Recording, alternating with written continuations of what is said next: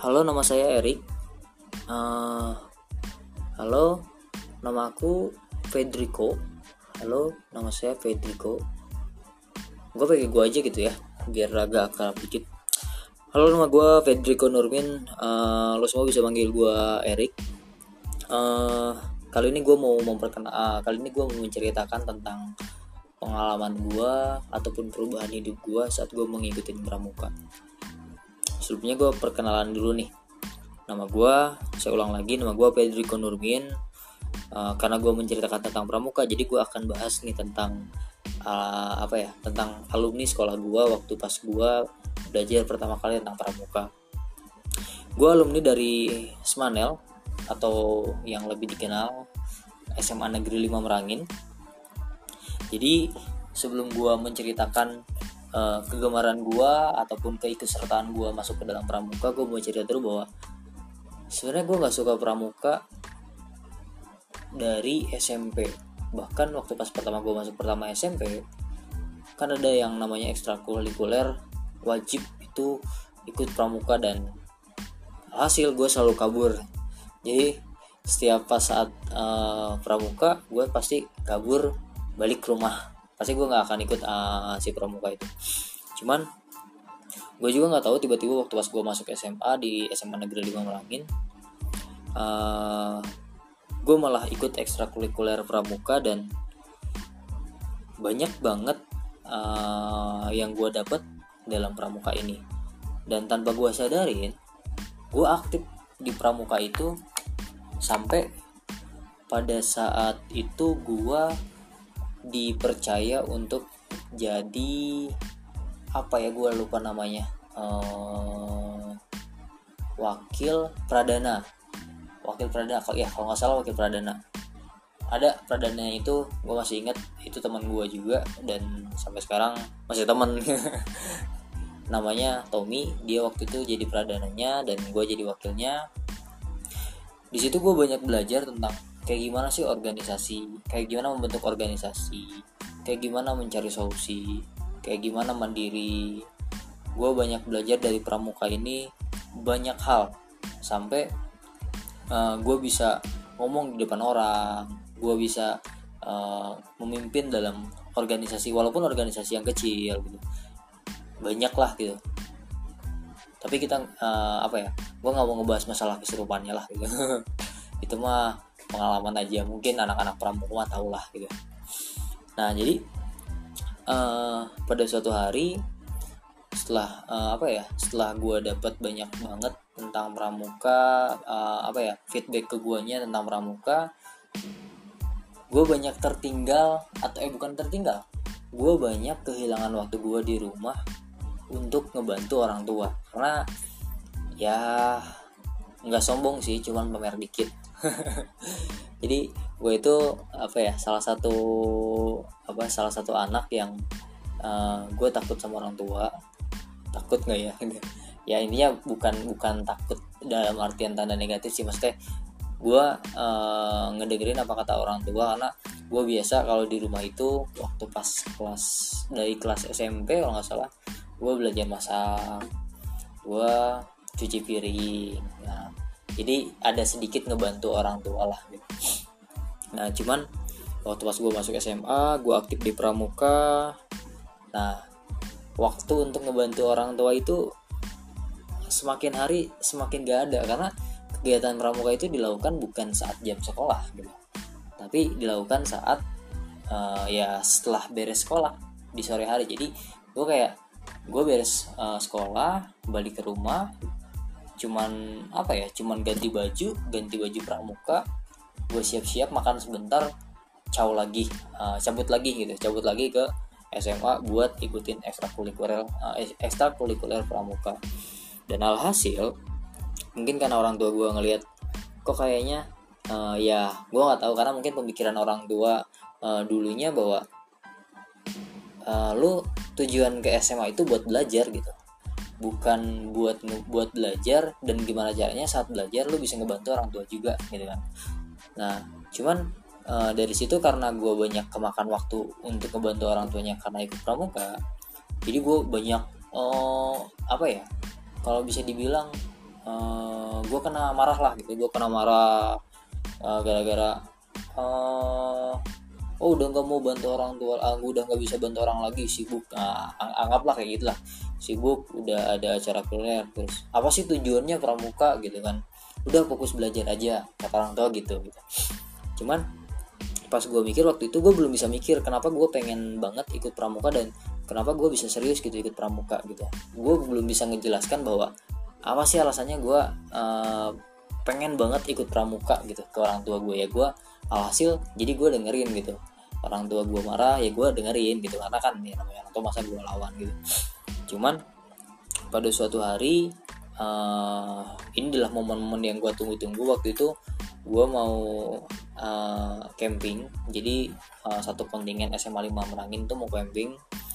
Uh, kalau nggak salah kalau teman-teman tahu ada yang namanya STKIP nah itu uh, acara rutin tahunan kalau nggak salah nah jadi gue udah siap-siap udah udah tinggal berangkat udah mul udah ikut briefing di SMA gitu kan udah ikut briefing udah ikut gladiresik dan semuanya udah latihan tiap sore latihan pulang sekolah tiap sore latihan. Pas hari H gue mau berangkat gue udah siap-siap pulang ke rumah gue siap-siap masukin tas baju dan lain-lain ke kelengkapan pramuka. Pas gue mau pamit tiba-tiba uh, sebenarnya yang yang uh, kurang pro-nya uh, bapak bapak gue sih gitu nah jadi pas gue mau pamit bapak gue bilang udah gak usah berangkat di rumah aja gitu. Nah di situ gue langsung dek gue ngerasa wah pokoknya harus berangkat gitu. Cuman karena orang tua yang uh, bapak itu bilang gak usah berangkat gue akhirnya diem di kamar gue nangis. Tapi saat gue nangis uh, eh, gue nangis tuh kenapa nggak boleh gitu? Padahal ini adalah ya gue pada saat itu gue belum bisa tahu gitu. Belum bisa ngejelasin apa sih tujuannya gitu. Gue gue ikut kayak gitu gitu. Capek-capek harus panas-panasan dan lain-lain. Cuman pada saat itu uh, ibu gue datang ke kamar. Setelah datang dia bilang udah berangkat aja. Nggak usah dipikirin sih bapaknya makanya gue di situ kayak ngerasa ada dukungan ya udah gue berangkat gitu. Gue berangkat tanpa ada pamit ke orang tua. Eh ke bapak. Gue tanpa ada pamit ke bapak dan gue ngerasa bersalah sih. Cuman karena emang keinginan tekad gue gede gitu kan ya gue tetap berangkat gitu. Alhasil gue berangkat harapan gue 3 sampai empat hari gue ikut camping pulang ke rumah itu udah disambut dengan baik gitu. Udah disambut dengan ya ya udahlah gitu. Cuman masalah uh, kecil gitu. Cuman gak boleh ikut pramuka dan sampai rumah beres gitu masalahnya sama bapak. Ternyata gue masih dimanyunin dan di situ gue ngerasa main gitu kenapa gitu. Uh, apa ya? Cuman gue sama gue gue nggak bisa ngejelasin gitu kenapa gue tetap apa kekeh gitu mau ikut pramuka gitu.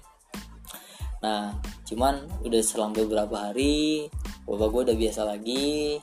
Ya cuman tetap sih tetap nggak suka sama pramuka waktu itu gitu. Nggak kurang ngedukung lah bukan nggak suka kurang ngedukung karena banyak waktu yang dilewatkan untuk membantu orang tua. Nah di situ suatu saat uh, waktu pas gue naik kelas 3 SMA gue masih ikut pramuka gue masih tetap ikut pramuka dan pada saat itu gue dipercaya untuk ngelatih ataupun uh, apa ya ngelatih lah kalau misalnya mengajarin nggak nggak terlalu itu juga karena gue masih belajar juga. Gue ngelatih anak-anak pramuka SD di desa gue ada dua SD uh, eh, yang terus selain itu gue ngelatih SMP ya ada satu SMP yang gue latih ya SMP gue juga sih cuman nggak terlalu aktif. Nah di situ karena apa ya karena waktu dulu tuh setiap ngelatih itu uh, si kakak pembinanya suka dikasih uang sama si apa sama si gurunya guru SD itu dan SMP itu. Nah pada saat itu gue dikasih dalam sekali pertemuan dalam satu minggu itu 50 ribu.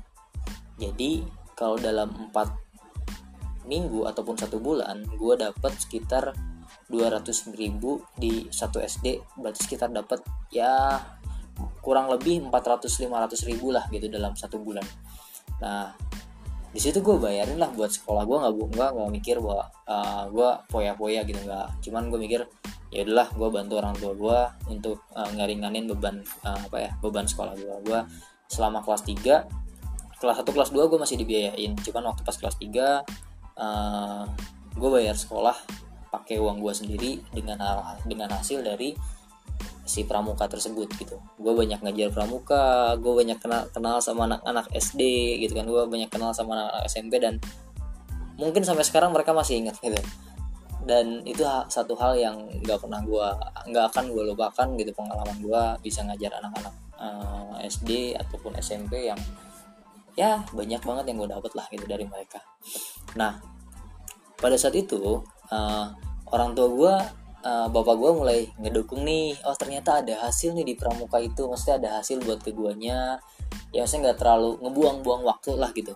Nah tiba-tiba pada saat itu umur gue umur 14 kalau nggak salah 14 15 tahun. Eh 15 16 tahun lah 15 16 tahun waktu itu tiba-tiba dari kepala desa ada ada ada mau ada pemilu kan waktu itu.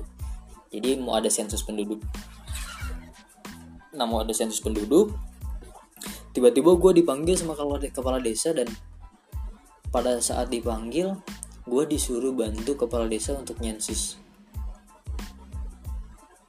Ya gue pikir gue kaget gitu. Umur gue disuruh nyensus pas gue datang ke kantor desa dan ternyata partner-partner gue untuk nyensus itu bukan anak-anak seumuran gue itu SMA 15-16 tahun. Orang-orang yang emang udah dewasa gitu orang-orang yang emang udah orang tua gitu. Ya di situ gue ngerasa gue tanya gitu ke kepala desanya pak kenapa uh, harus saya? Terus kata kepala desanya nggak apa-apa kamu buat belajar. Kan di situ gue ngerasa bangga sendiri gitu ya oh ternyata dari pramuka ini gue sampai dikenal gitu sama kepala desa gitu. Gue sampai dikenal sama apa ya sama ya uh, pemerintahan desa di desa gue lah gitu. Dan itu gue mikir oh ternyata ini hasilnya. Dan alhasil pada saat gue dipanggil itu pada saat itu gue lumayan tuh dikasih uang waktu SMA uh, gue disuruh nyelesain dua bulan sensus. Tapi cuman gue selesain sekitar satu bulan setengah pulang sekolah gue datengin warga pulang sekolah gue datengin warga nanya KTP nama nanya nama bener nggak KTP KTP-nya sesuai dengan data yang gue bawa gitu kan. Dan di sisi lain selain gue sensus gue kenal gitu sama ternyata oh uh, apa uh, eh, gue tuh punya buat punya tetangga gue tuh punya warga dan yang sama sekali sama gue nggak kenal gitu namanya siapa dan gara-gara itu gue banyak tahu gue banyak kenal semua warga yang lain desa gue. Dan gue juga dikenal sama mereka gitu. Pada nanya itu anak siapa sih? Anak siapa? Anak siapa? Pada nggak tahu ya. Ya udahlah gitu. Yang penting gue dapat duitnya gitu. Nah jadi pada saat itu uh, gue nyelesain satu bulan setengah dikatargetin dua bulan. Uh, dan waktu itu setelah selesai gue dikasih 800 ribu. Dan itu kali pertama gue megang uang ya sebanyak itulah gitu. Gue megang uang dalam umur yang gue 800 ribu dari hasil lensus dan gue nggak minta gitu kerjaan itu tapi gue diminta. Dan itu salah satu kebanggaan gue yang gue nggak akan lupakan sampai sekarang. Nah saat itu orang tua uh, bapak gue baru ngerasa bahwa ya udah jadi kayak sok kamu mau ikut pramuka sok gitu. Nah jadi intinya sih apa ya kalau misalnya gue pengen pesan ke teman-teman adalah kalian jangan takut untuk ambil resiko gitu. Kalian jangan takut untuk ambil keputusan. Selagi kalian bisa membuktikan gitu apa yang uh, apa yang lo pilih itu ada ada bukti ada hasil gitu yang lo bukti yang apa yang akan lo buktikan gitu. Mau itu ke orang tua lo mau itu ke saudara lo siapa pun lah itu gitu. Saat ya gue ngerasa di sini gue agak nggak pro nih waktu itu sama bapak gue gitu kan. Gara-gara ada perbedaan pendapat. Cuman waktu itu gue nggak bisa ngasih penda eh, gue nggak bisa ngasih penjelasan karena gue nggak ngerti tujuannya apa gitu dan apa buat gue gitu. Cuman pas saat ada hasil itu ternyata ini alasannya gitu. Ini alasannya gue kenapa pengen ikut pramuka karena gue bisa banyak bersosialisasi dengan orang-orang. Gue belajar banyak banget dari pramuka dan alhasil orang tua gue sampai sekarang bukan sampai sekarang ya. Ya waktu dulu lah. Gue sekarang udah lulus sudah berapa tahun. Uh, ya ngebiarin gue ikut pramuka ke mana ngebiarin gue ikut ke mana ngebiarin enak ya. Jadi udah nggak ada nggak ada. Eh jangan berangkat. Gue nggak nangis lagi. Ya bukan gue bukan nangis cengeng sih kan gue kayak ngerasa kesel nyesel gitu. Gue udah persiapan gitu kan. Tiba-tiba nggak boleh berangkat. Tiba-tiba ada pahlawan. Ding ding ding, ding. mama gue datang berangkat aja. Gak saya dipikirin coba mama ya sebenarnya ya itu sih pesan gue uh, ke teman-teman yang lain. Selagi lo masih muda selagi lo masih bisa berkaya jangan takut untuk ambil resiko. Karena apa ya? Gue nggak pinter gitu. Maksudnya gue nggak pinter di SMA gue nggak ter, gak terlalu terkenal. Cuman gue berani ambil resiko. Waktu dari dari pertama dari dari masuk SMA gue mulai menemukan jati diri gue dan gue mulai berani ambil resiko apa pun itu masalahnya nggak apa hadapin aja gitu. Karena apa? Kan lo akan tahu gitu. Setelah beres masalah itu ada apa yang nunggu di depan gitu. Thank you untuk hari ini cerita tentang pramuka. Uh, nanti gue lanjut dengan cerita-cerita selanjutnya dan ya mudah-mudahan jadi motivasi buat teman-teman ataupun buat adik kelas ataupun buat siapa pun lah yang mendengarkan dan uh, thank you selamat mendengarkan. Saya uh, mengucapkan terima kasih. Gue mengucapkan terima kasih. Gue Pedri Gunurgen selamat malam